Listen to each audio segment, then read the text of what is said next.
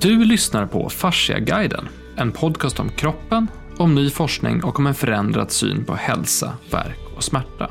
Hur fungerar kroppen egentligen och vad händer när vi blir sjuka?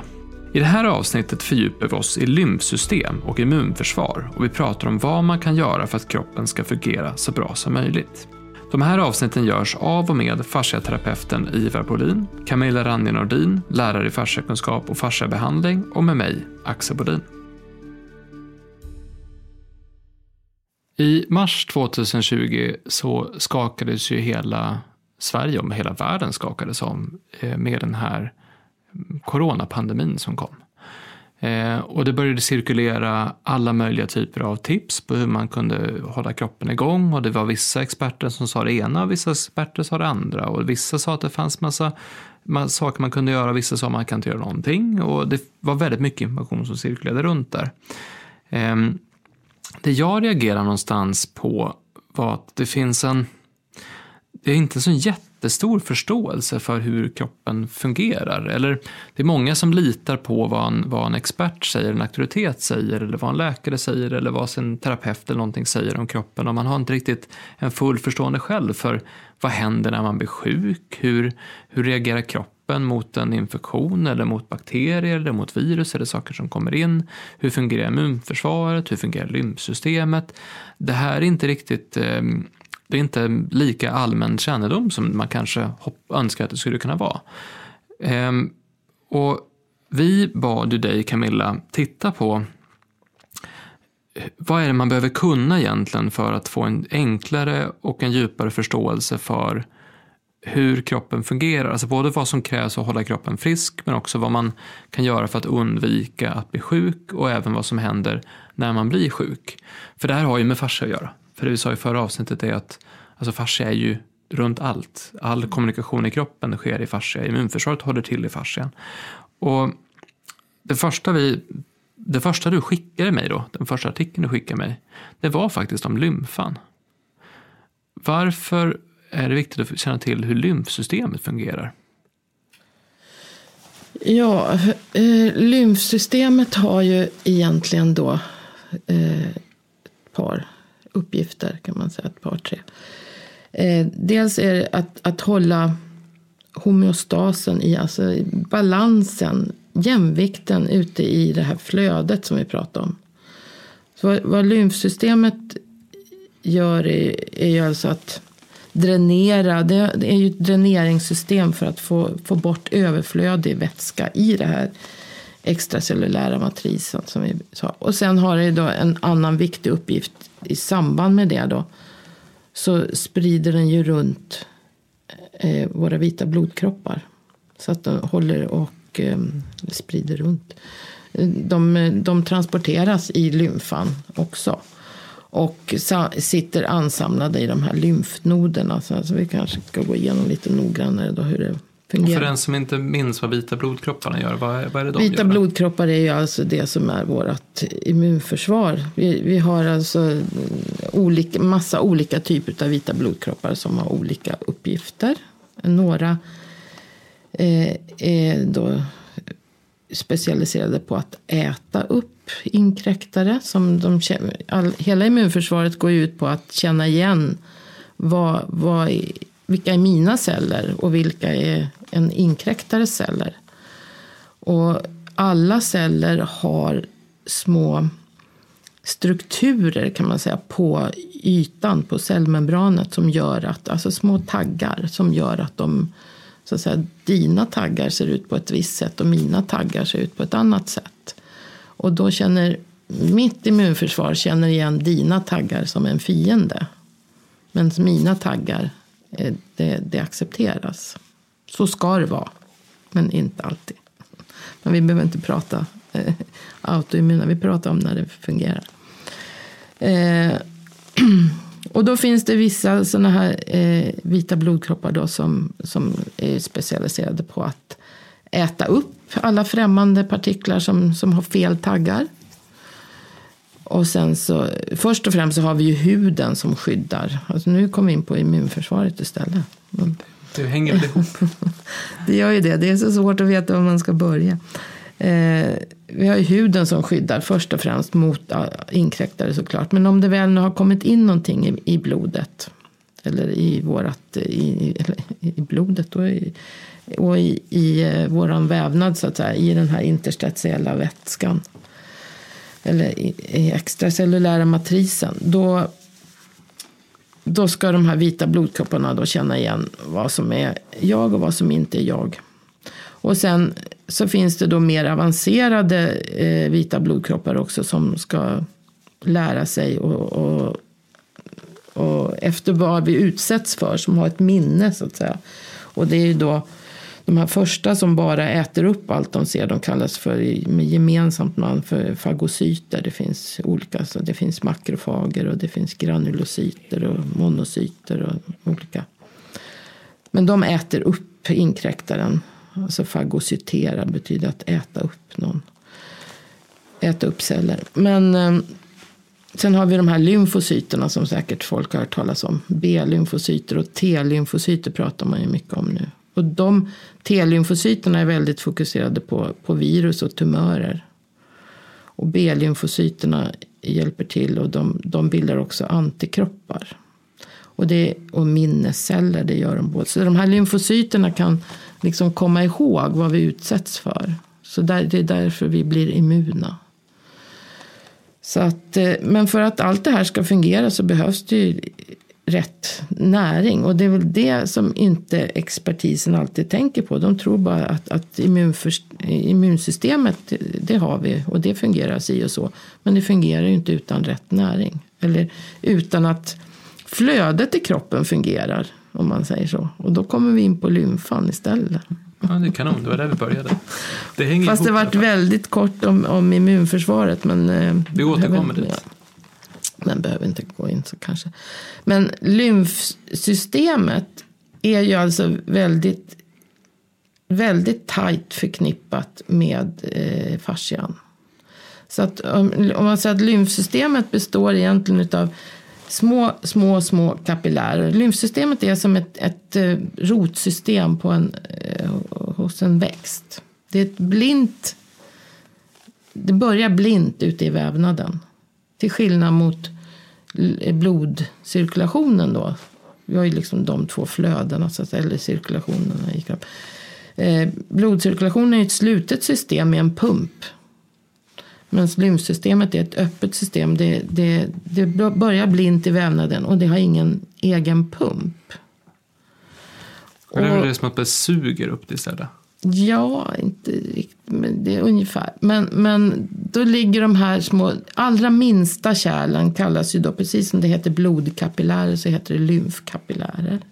Och de ligger blint ute i fascian och de är egentligen så, så förknippade med fascian, så att det är, alltså med det här flödet i fascian, med den extracellulära matrisen.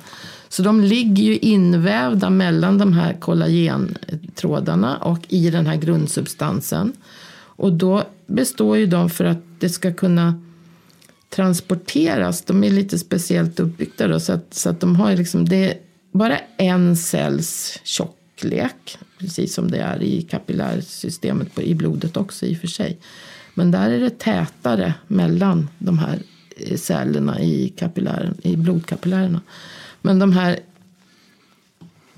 man kan se som lymfkapillärerna ligger med, som omlott och fastbundna så att säga med små trådar i, eh, ihop med kollagenet. Så att de ligger alltså i den här grundsubstansen och hålls fast utav små trådar. Så varje, varje cell i...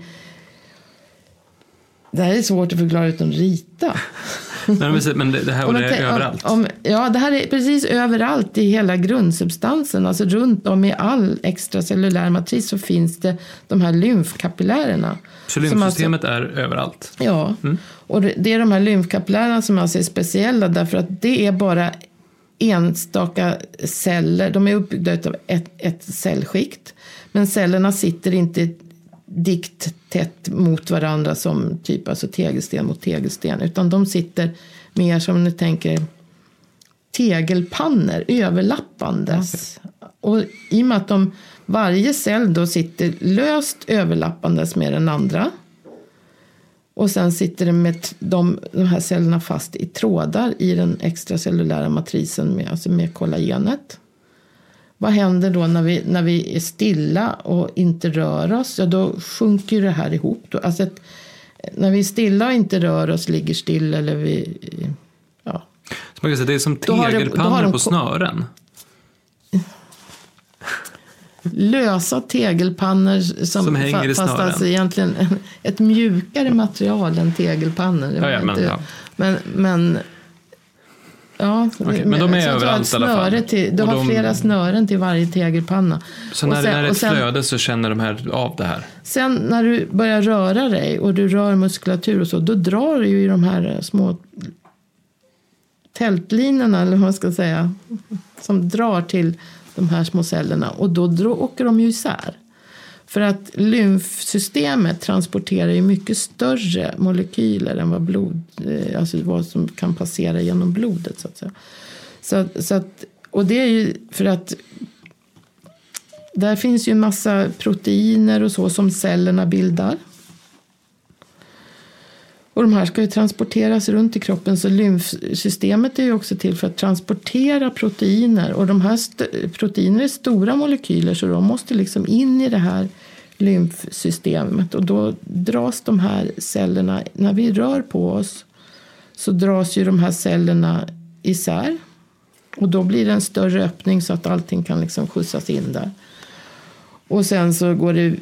Så att de har inget inget i princip eh, muskelkraft eller någonting. Utan det är bara den yttre, de yttre musklerna och yttre påverkan. Alltså massage till exempel. Ja, det är därför påverkan. lymfsystemet kräver rörelse för att fungera. Ja. Så att när du då ligger stilla så då, händer, då finns inget tryck, Nej, ingen då, kraft då har som de här, här små kapillärerna kollapsat kan man säga. Då ligger de hopsjunkna. Men när vi börjar röra oss då dras de isär. Och sen går ju då ifrån det här så går det ju vidare till lite större kapillärer som kallas uppsamlingskapillärer. Och de har muskel, glatt muskulatur i väggarna. Plus att de har då ett klaffsystem som backventiler som gör att... Men det är samma sak där. De, de har visserligen en liten muskelkraft men de är beroende av rörelse och musklernas kraft utifrån också för att kunna få skjutsa fram lymfan så att säga. Och då skjutsar de bara fram lymfan. Det kallas för, de är avdelade, så mellan varje klaff så, så är det ett lymfangiom kallas det. Och då är det den som drar ihop sig och skjutsar förbi nästa klaff och så slår den igen. Så jag brukar likna det med när jag hade undervisning så sa jag, tänk er att gå i, i trappan i Lustiga huset. Alltså, du går ett steg, och sen så blir det stopp och så går det ett steg till. Så det är lite så som lymfan liksom skjuts till näst, förbi nästa klaff och förbi nästa klaff. Och sen då så passerar de på vägen en väldig massa lymfnoder. Vi har väl ett, ett hundratal lymfnoder i en människa så det är inte så många egentligen. Men och de här sitter mer samlade i, i um, kluster. Alltså vid ansamlingar. Och Ehm, de är också delade i olika avdelningar så att det kommer liksom lymfkärl från olika håll in i de här noderna. Och det är sånt, vad, vad händer när det blir stopp i den här extracellulära matrisen någonstans? Ja, då kommer ju inte, då kan det inte bildas någon, någon eh, lymfvätska. Som, alltså det, lymfvätska kallas det när det har kommit in i lymfkärlet. Men det är i princip det är samma vätska som är i, i den interstitiella vätskan. Så det är i princip samma sak. Alltså den in, vävnadsvätska då, eller interstitium eller grundsubstansen där. är samma typ av vätska som hamnar i lymfkärlen sen. Sen kommer den att ändra eh, sammansättning under vägen. Därför att i de här lymfnoderna så finns det makrofager som äter upp vissa proteiner och främ, främmande partiklar som inte ska finnas i den här lymfan. Så att alltså, lymfan rensar hela den här extracellulära matrisen på dels på proteiner som ska transporteras iväg.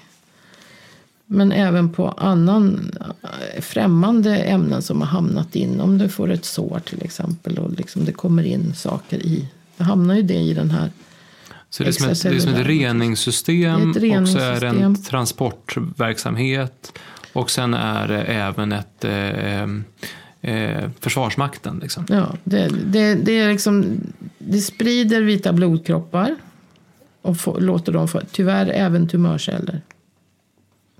Det, eftersom tumörcellerna har ju hittat ett jättebra sätt att, att sprida sig runt i kroppen. Då. Så många tumörceller sprids via lymf. Ja, det pratar jag om i avsnitt fyra faktiskt. Men, men så, så okej, vi ska ta den här liknelsen Men ett steg vidare då. som Schwarz säger då så är det ju inte bara det, så länge man håller lymfflödet igång och alltså det är i huvudsak då den interstitiella vätskan eller extracellulära matrisen som måste hållas väl flytande, alltså flödet måste funka för annars fungerar då kommer det aldrig in i lymfkärlen. Får en förtätning eller en för, en för hög viskositet, vilket alltså händer om du är stilla eller om du, du skadar dig, får inflammationer och sådana saker.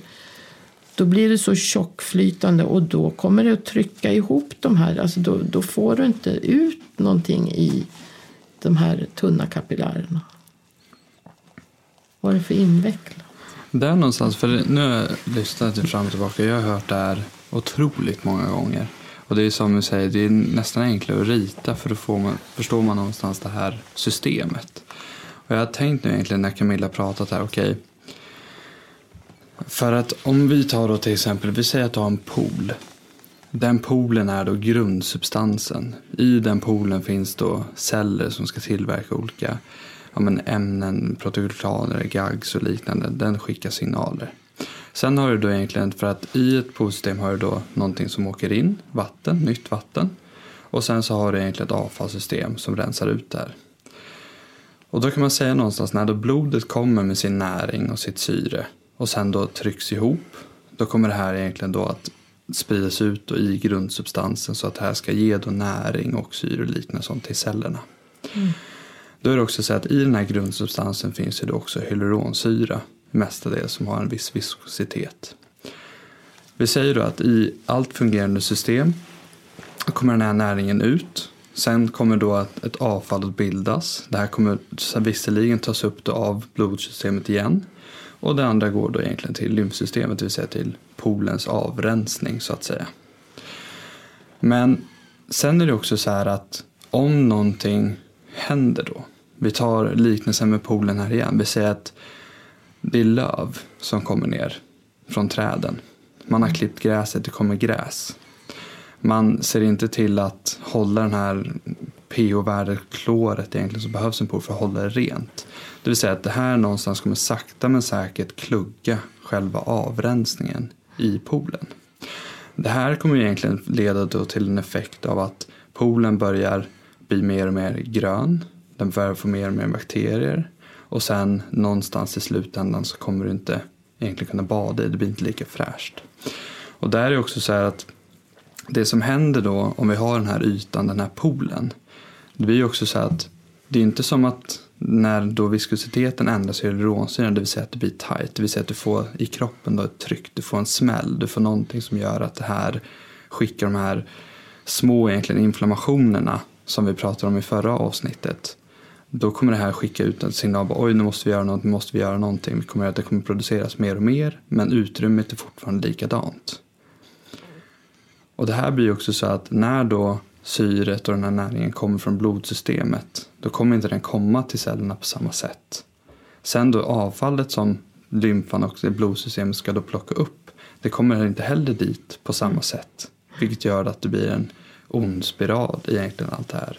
Och det är det här någonstans som händer när du får då en skada eller när du får någonting som blir tätt. När du får någonting som inte egentligen funkar som det ska. Och där någonstans går det här som vi pratar om att råttan äter, eller katten äter råttan och, och så går det vidare så det blir större och större och större. Vilket gör då att det kanske blir en större inflammation senare. För då får du inte den här utrensningen.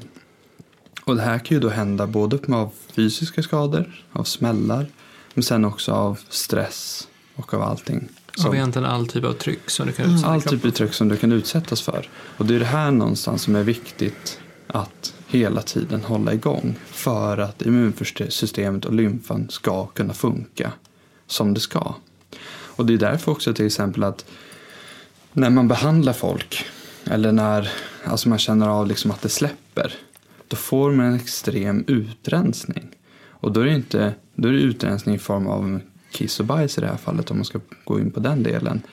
Och då kan man nästan, alltså ibland kan vissa, det kan ju lukta olika för att det är så mycket liksom slagg som ska bort. Mm. Och det är här någonstans systemet som måste rensas ut. Så där är någonstans just den här pool, för poolförklaringen att det kommer in syre och näring och sen någonstans ska det ut och genom lymfan men sen så kluggas det här med olika komponenter. Vilket gör att det är fortfarande samma pool. Det är fortfarande samma 8 gånger 4 men att det här någonstans leder till att blir grönt, blir stillasittande. Och sen också, eftersom det behövs mer då tryck från blodet att skicka ut de här näringen. Vad händer då? Nu får du ett, ett högre blodtryck kanske. Men sen också Men- att det blir varmt. Ja. Det blir mer Men, tryck. men alltså det, det kan ju klägga ihop, om man nu säger så. Alltså bli tjockna. Bara på, på vissa ställen. Så att det är inte så att kanske hela. Ja, det här är en, det, kroppen. det, det är också jag Nej. menar just med att det här är ju inte det är en, en del. Det finns är många miljoner hel- poler i ja, kroppen. många Ja, miljoner ja, poler i kroppen. Det- Och det är viktigt att tillägga i det här fallet också. Men där är också Och det då som... kommer inte slagget bort. Och när slagget samlas kvar i den här vävnaden så blir det ju ännu värre så att säga. Och då finns det ju saker man kan göra. Ja, men för, först det- bara fråga innan vi går in på vad man kan göra. För det, det här tror jag är viktigt att förstå.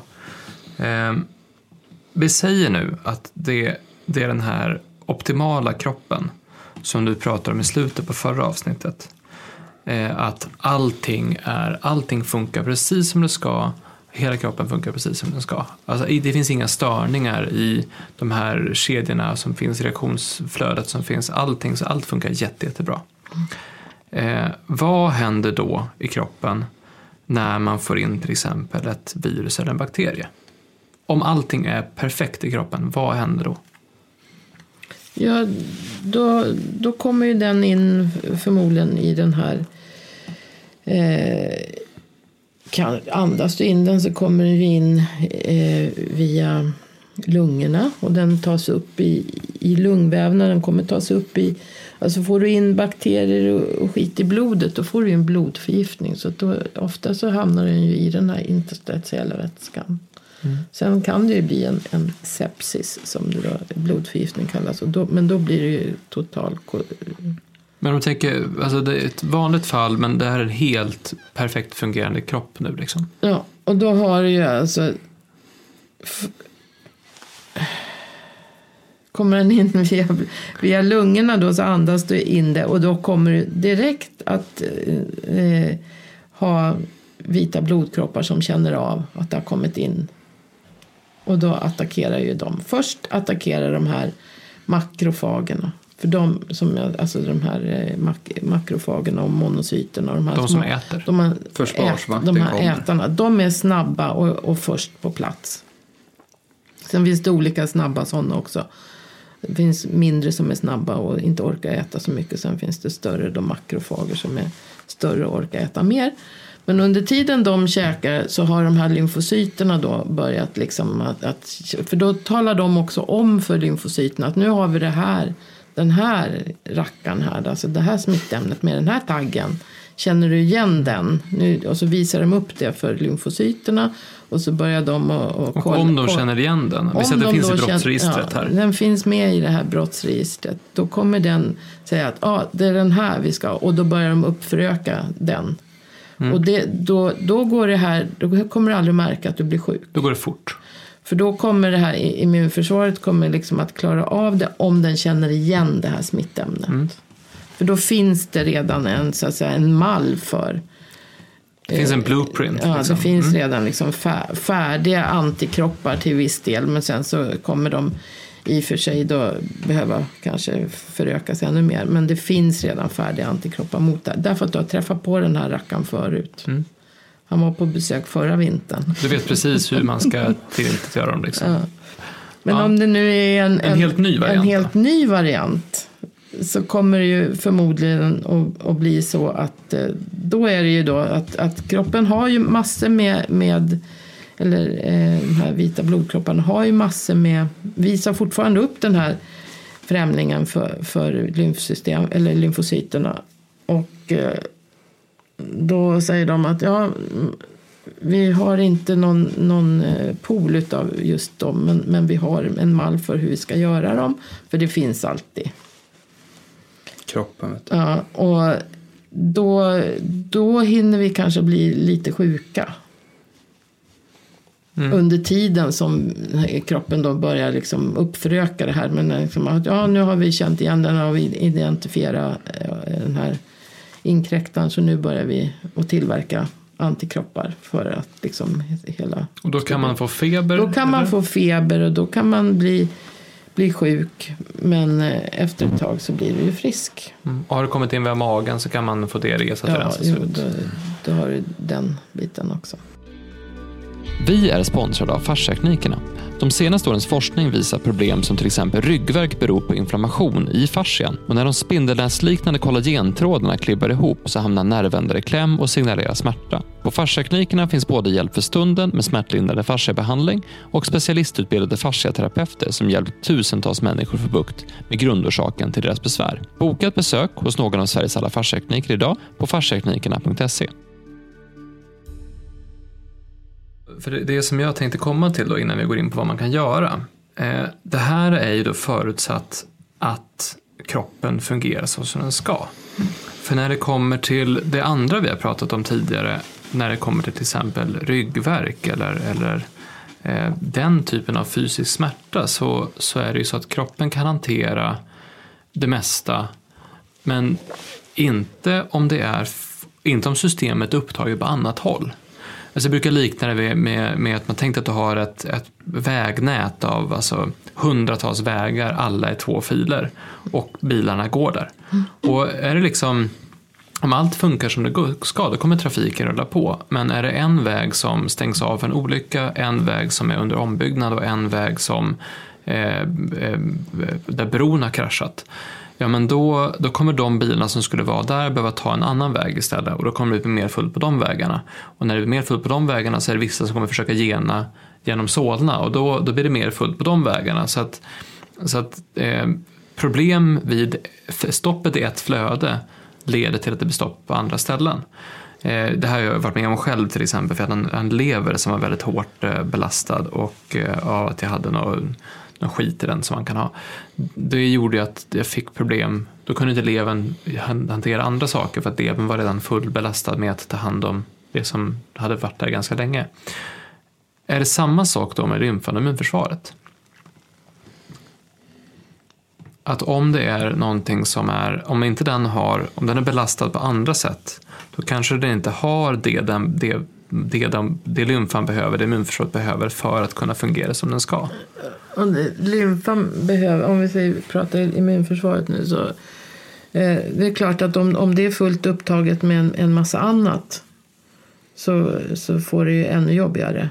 Så att eh, om vi träffar på mycket nytt på samma tillfälle eller dessutom är stressade så, eh, och har andra problem eh, eller inte det saknas näringsämnen så klarar ju inte eh, de här vita blodkropparna av att eh, bekämpa den här inkräktaren. Om vi För det- sover dåligt, Om vi äter sover dåligt, dåligt ja. sitter jobbigt, kom, nu, nu stressar. blir det ju så komplicerat så att det, det, Nej, men det är där jag menar att det, det blir ju komplicerat om man, det, det, det här, därför jag tar upp den diskussionen, eller tar, tar från det hållet. Därför att att förstå ett problem jag har i kroppen utifrån det problemet och titta på vad kan ha orsakat det. Det är det här lite trånga sättet att titta på orsak-verkan som vi någonstans har lärt oss. Jag tror snarare att man måste gå och ta ett steg tillbaka och förstå kroppen som, som vi pratat om, den här tryckavlastningssystemet som hela tiden ska ta emot saker. Så att jag kan ha en livsstil där jag eh, jobbar åtta timmar av dagen med dåligt ergonomiskt sittande framför ett skrivbord, äter helt okej mat, men kanske inte tar, har tillräckligt mycket C-vitamin till exempel. Mm. Och det funkar bra, men kommer då en stressig period personligt eller att det är någonting som dyker upp eller att jag råkar få en skada jag inte hade tänkt att jag skulle få så att jag inte kan träna som jag brukar göra eller röra mig som jag brukar göra. Då kan det vara droppen som får vägarna att rinna över och systemet att bli mm. problematiskt. Mm. Så att man inte...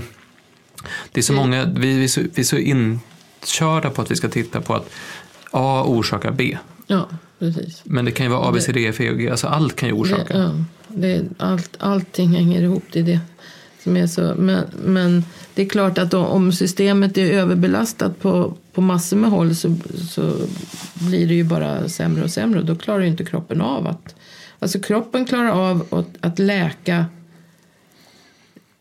ja, princip allt, eh, törs man nästan säga. Om, om den bara får förutsättningar för det. Men förutsättningarna är ju att allting fungerar. Och för att allting ska fungera så krävs det rätt näring, alla näringsämnen i tillräcklig mängd. Eh, rörelse, framförallt rörelse, rörelse, rörelse. Och då pratar vi inte hård träning? Nej, utan... nej, absolut inte hård träning. För det överbelastar ju kroppen. Utan lagom rörelse som ger oss syre i tillräcklig mängd så att vi hinner jobba, arbeta, eller muskulaturen, kroppen jobbar och samtidigt får syre. Och att vi får eh, sömn, att vi har en, eh, mår bra mentalt, att vi eh, har eh, vänner och, och, skrattar och kramas och kroppskontakt. Och, och vi känner mening med det vi gör. Ja, det... allt det gör ju... Och nu kommer vi ju in på, sen kommer man in, man börjar prata på det här med oxidativ stress. Också. Som alltså är, är det som egentligen händer då när, när vi äter och eh, bryter ner den mat vi, vi äter så, så tar ju alltså kroppen fett, proteiner, kolhydrater och syre och bränner ner, förbränner det och så blir det koldioxid och vatten och så blir det energi till cellerna. Och utav det så blir det alltid biprodukter så att säga, i form av fria radikaler. Vad är fria radikaler? Ja, det är en massa olika reaktiva ämnen, framförallt syreradikaler. I all forskningslitteratur så kallas de ROS, reaktiv oxygenspecies. Eh, och eh, det, det, finns massor med olika typer av fria radikaler. Men om vi håller oss eh, till de här som alltid bildas är de här syreradikalerna. Och det blir alltid sådana när, när, när, vi anstränger oss på något. När vi gör, alltså om vi, vi måste ju äta och vi måste ju, även om vi inte rör oss så måste vi ju förbränna och liksom för att kroppen ska underhållsbehovet så att säga. Normal basala förbränningen. Eh, och då så har kroppen egna system för att ta hand om de här fria radikalerna. Men det blir alltid lite mer bildat än vad kroppen tar om hand så att säga. Och det är det som är det normala åldrandet. Och därför man behöver därför, antioxidanter. Ja. Och det är därför vi behöver verkligen se till att, att kroppen har tillräckligt med... Kan, det finns framförallt tre enzymer som eh, är de viktigaste som kroppen använder som antioxidanter som tar hand om de här fria radikalerna. Och sen så har en massa andra antioxidanter som vi också måste äta. Så kroppen bildar egna men vi måste också äta utifrån så att säga. Få med oss med maten. Det kallas för endogena och exogena. Eh, och det är därför det är så viktigt med antioxidanter finns det, det är en hel arsenal av olika ämnen som finns i vår mat. Framförallt i gröna eh, grönsaker, frukt och bär. Och det är 300 antioxidanter typ tror jag ungefär. Och man behöver allihopa samverka så att man kan inte bara ta en antioxidant. Men de har ju olika uppgifter. De, de neutraliserar olika eh, fria radikaler. Alltså fria radikaler är de här ämnena som i den här reaktionen så bildas det då som man eh, säger då framförallt syreradikaler som smiter förbi och så har de tappat en elektron. Mm. Så att då, alltså alla molekyler för att vara i balans ska ha ett jämnt antal elektroner Mm. i sitt skal. I sitt yttre hölje. Man säger. Och då har de tappat en. Och då vill de ju liksom, då är de väldigt labila, då är de alltså instabila. Då, då far de ut och letar efter de här elektronerna. Och när de letar efter elektronerna så försöker de ju sno det ifrån olika vävnader i kroppen. Ifrån olika cellmembran framförallt. Och då förstör de de här cellerna. Och det, de går på proteiner, alltså kollagen till exempel. De går på de här gagsen, alltså glukosaminoglykanerna och försöker sno elektroner.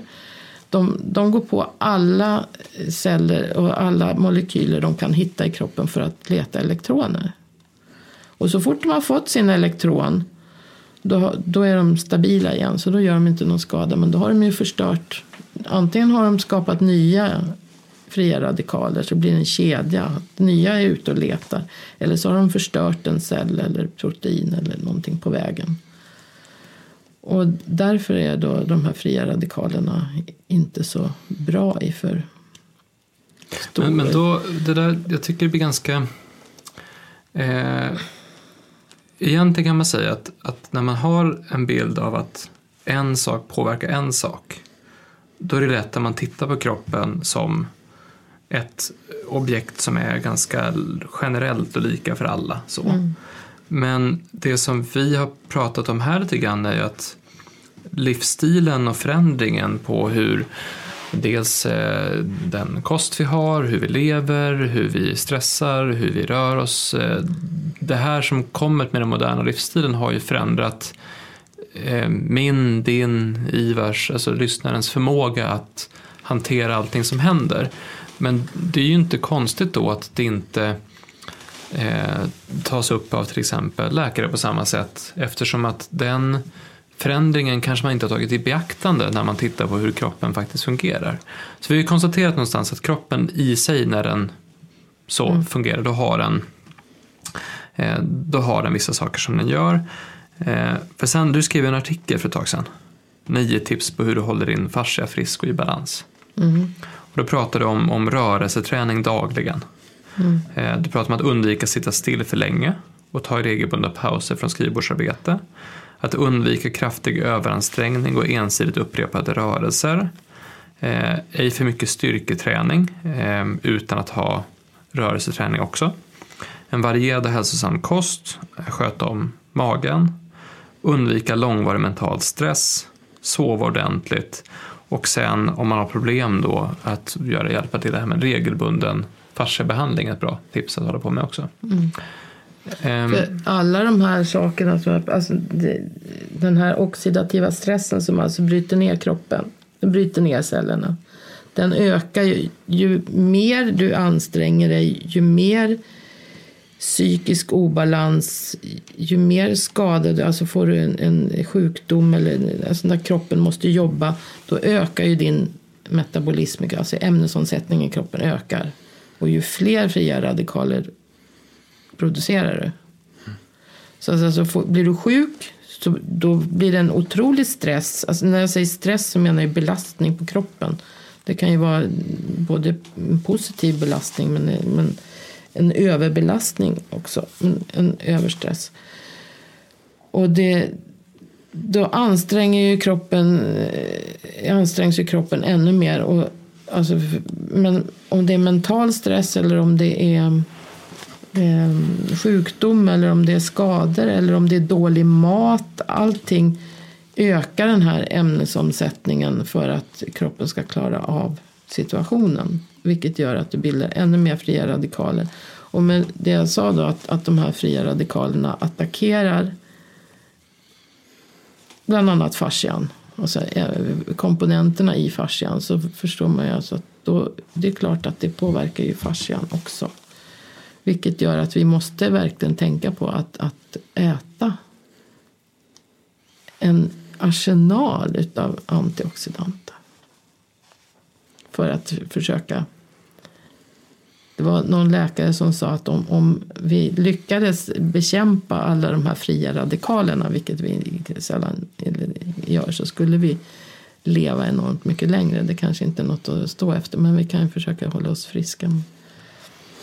Ja, men det är någonstans just att alltså, hålla sig frisk. Och det som någonstans är med de här nio tipsen för att hålla igång fascian. Det är också så här att man behöver inte göra allt. Man behöver inte ändra om allt på en gång. Men det är egentligen bara små saker som man kan göra för att hjälpa egentligen kroppen. Och det här är ju oavsett om man känner att man har problem eller om man känner att man har alltså lite spänning utan bara, egentligen bara göra det i största allmänhet. Jag har egentligen ett exempel för då min eh, svärfar har haft lite problem egentligen i ryggen lite fram och tillbaka. Och då någonstans så gjorde han så att 2019 så gjorde han ett års, årslöfte vad kallar man för nyårslöfte. Och då sa han, jag ska gå 10 000 steg om dagen. Och han har ju då haft problem med ryggen i kanske 20 år. Mm. Sen så fick man ju behandla honom lite efter lite så om och men. Och gå igenom han sådär. Och sen så var det också så att han det året, egentligen med samband med de övningar som han gjorde hemma själv för att liksom underlätta det här. Han har inte alls samma problem. Och han har alltså haft problem så länge och gått hos en alltså, kiropraktor eller lite sånt där alltså regelbundet hela tiden när han känner att det här kommer tillbaka. Och han någonstans bara genom att gå 10 000 steg om dagen. Så nu har han inte problem alls. Det, kommer, det uppstår då och då. Men alltså inte alls lika regelbundet. Nej, men där är också någonstans som vi, det vi har märkt också just med att jobba med människor och djur. För där är också så här att, ja, men vad händer? Vi säger att jag, jag bröt benet, gjorde det för två år sedan. Då var jag utomlands. Första jag egentligen gjorde så här, men då, då säger jag om vila. Vila det är alltid det man får. Ja men mår dåligt, ja men vila. Och så lägger man sig i soffan så blir man soffpotatis, kollar igenom en herrans massa serier. Men vad händer med kroppen då? Mm. Men där var det också så här, för då när jag bröt benet då var jag utomlands, det var soligt och trevligt. Och då vet du, fick jag turen att få en moonboot istället för gips. Vilket gjorde att jag kunde ta av den. Så det jag egentligen gjorde var att först avlasta trycket i mitt ben. Med trycket som kommit från smällen från att bryta benet. Men sen så det andra jag gjorde det var att jag badade varje dag. Så där fanns det antingen då pooler eller så fanns det liksom om en hav där jag kunde bada. Och så tog jag av mig den där och så gick jag under vattnet. Och gick och gick och gick. Ja, för då gick du utan att belasta. Precis. Utan, men då rörde du det ändå. Dels, ja. dels har du trycket ifrån vattnet. Alltså som, som, och när du trycker på, på mm. vävnaden, du trycker på, den här, på kollagenet, du trycker på fibroblasterna i, i den här extracellulära matrisen. Alltså cellerna som bildar kollagen och, och andra komponenter i, i, i, uh, grund, uh, ja, i den extracellulära matrisen också. Vilket gör att så, du får en snabbare läkning. Så får du alltså en snabbare läkning därför att du st stimulerar cellerna att bilda mm. nya produkter, nya celler. Du stimulerar cellerna att dela sig och att pro producera nya proteiner för att skapa en ny mm. vävnad. Och det, jag har en, en kund som eh, fick en häst eh, i princip så gick nästan ytliga böjsenan av på ett framben. Eh, på henne eller hästen? På hästen. Ja. Ja. Men du säger jag har en kund som ja, har en häst. En kund, ja, förlåt. Jag har en kund som har en häst eh, vars ytliga böjsena, det var ett, ett eh, lopp. Eh, men så att eh, ytliga böjsenan var, var väldigt illa skadad, i princip helt av. Det var inte så mycket som tydligen enligt veterinären. Jag såg det inte då. Väldigt, väldigt tjock och svullen i benet. Men, men eh, jag tror att han stod still i, i ett par, par, tre veckor. Mm. Och därför att han kunde inte gå. Han mm. kunde verkligen inte gå. Men hon höll på med stretchövningar. Och, och liksom höll på och kämpa med honom hela tiden. För att han inte skulle, skulle inte vara still. Sen släppte hon ut honom i Haga. Och han lufsar, lunkar med kompis. Så, och veterinären, den tyckte, hennes veterinär, som jag säger då väldigt öppen veterinär uppenbarligen, eh, tyckte att det var kanon att de släppte ut honom. Därför att eh, de läker inte när de står still.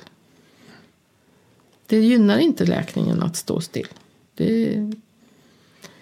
Och den veterinären sa att hästen rör sig inte mer än han känner att han klarar av. Ja, visst, man kan väl ha otur att de... Men det bästa är att inte försöka ändra så mycket utan att, att låta dem Nej, men det, är ju det, är ta få, det, är få, det är få tillfällen alltså, som man måste stå helt still. Nej, men det är ju bara att ta Alltså jag då gick och sen så släppte jag upp trycket. Jag gick efter tre veckor. Mm. Och så är Tibet var helt av. Alltså vi snackar totalt av. Mm. Efter tre veckor kunde jag gå. Och sen satt jag här då också längre upp. Så det var inte förrän jag egentligen rättade till höften som jag kunde springa explosivt. Eftersom Mm. jag spelade fotboll igen. Utan då liksom högg det till. Men ändå just att det är också vad man lärt sig av djur och någonstans kolla på, kolla på rörelsemönster. Och Just att alltså du kan inte säga åt en hund som är kastrerad och bryter benet som jag också har varit med om att sitt still och ha tratt på dig. Det händer inte. Nej. Utan de rör sig. Och de ska helst röra sig egentligen så mycket som möjligt med en viss form av belastning. Och för De ska ju naturligtvis inte, inte ruscha och tvärnita. Nej. Men de ska ju röra sig. Och ofta så rör de sig i det tempot som, Som de klarar som av. de klarar av. Och det är ju också bara att kolla på alltså, naturen och på alltså, vilda djur. De rör sig hela tiden. Mm. Och det är ju, alltså, de har ju de har ju sällan problem. Jag tror där någonstans, vi har pratat om, om fascia och lymfsystem och immunförsvar. Och hur kroppen fungerar i ett optimalt tillfälle, alltså i ett optimalt läge och vad som händer när någonting går fel. Ehm, och jag tror att den största insikten som jag tror att man kanske ska göra som människa i väst är att fundera på, men vänta hur, alltså hur lever jag? Alltså visst, du måste förmodligen ha det jobb du har och det är klart att du ska göra det. Och det, man, livspusslet ska gå ihop och man ska skjutsa och lämna och vissa bor i stan och vissa bor på landet. Och det är avgaser och det är luftföroreningar och det kan vara svårt att få tag i riktigt bra rent vatten. Och det, det finns ju massa saker som det bara är så, eller hur? Så som vi lever i samhället och man kanske inte är jättenära skogen eller naturen som man kan så. Men att ja, visst, jag måste jobba så. Men samtidigt förstå att om jag lever ett sånt liv så kommer det att få konsekvenser för min kropp. Alltså även om jag är hälsosam som tusan och bor i Stockholm som jag gör, centrala Stockholm, så är jag ju konstant i en miljö där luften innehåller till exempel eh, högre doser av kvicksilver än vad som är bra för min kropp. Det märkte ju både jag och min fru och min mor när vi gjorde ett mineraltest att vi hade ganska mycket kvicksilver i kroppen. Och jag bor ju under E4 så det kanske inte är så konstigt att det finns kvicksilver i luften där jag bor. Ehm, och att man börjar liksom förstå att men just det, det här påverkar min kropp så att min kropp är ju under mycket, mycket större belastning av miljön och det jag gör nu än den var för 10 000 år sedan. Och det här kommer få konsekvenser. Har du amalgam i munnen också? Eller har du inte? Nej, jag har ingenting i munnen. ingenting. Nej. Det handlar inte, jag, var, jag var bara ett exempel. Nej, jag, jag, Nej, men för vi, jag brukar argumentera för eh, när vi håller kurser, när jag ska prata med, med våra kunder då, som är terapeuter om, om hur, hur de kan prata med sina kunder som är människor. Så. Att jag vill ju säga att alla som har en modern livsstil borde gå på regelbunden behandling. För att du sitter i ett läge där du belastar dig själv. Du kan behöva få någon som hjälper till att rätta till det här. Få dig att slappna av, få allting och, och komma, få rörligheten att komma tillbaka. Få avslappningen att komma tillbaka. Se, fixa balans och hållning så att det här är bra och så vidare. och få Men- igång flödet. Precis. Där, därför att de flesta rör sig För lite. för lite och, och rör sig fel. Även om man går och tränar. Du tränar ju ganska mycket men det kanske är lite... mig med en argblick. Nej, men du tränar alltid när jag ringer. men, men det kanske inte är bra med, med hård träning utan det är ju den här vardagliga rörelsen som man hela tiden, som man fick förr i lagom dos. När man, eller som man kanske får mer om man lever på landet men man sitter för mycket i bilen, man sitter vid skrivbord. Det kan jag ju säga att, att jag har märkt en radikal försämring i kroppen, i flödet, sen jag började sitta för mycket vid skrivbordet och läsa. Jag förstår det. En, fruktansvärt är det. Nackdelen av forskningsdatabasen. Ja, ja.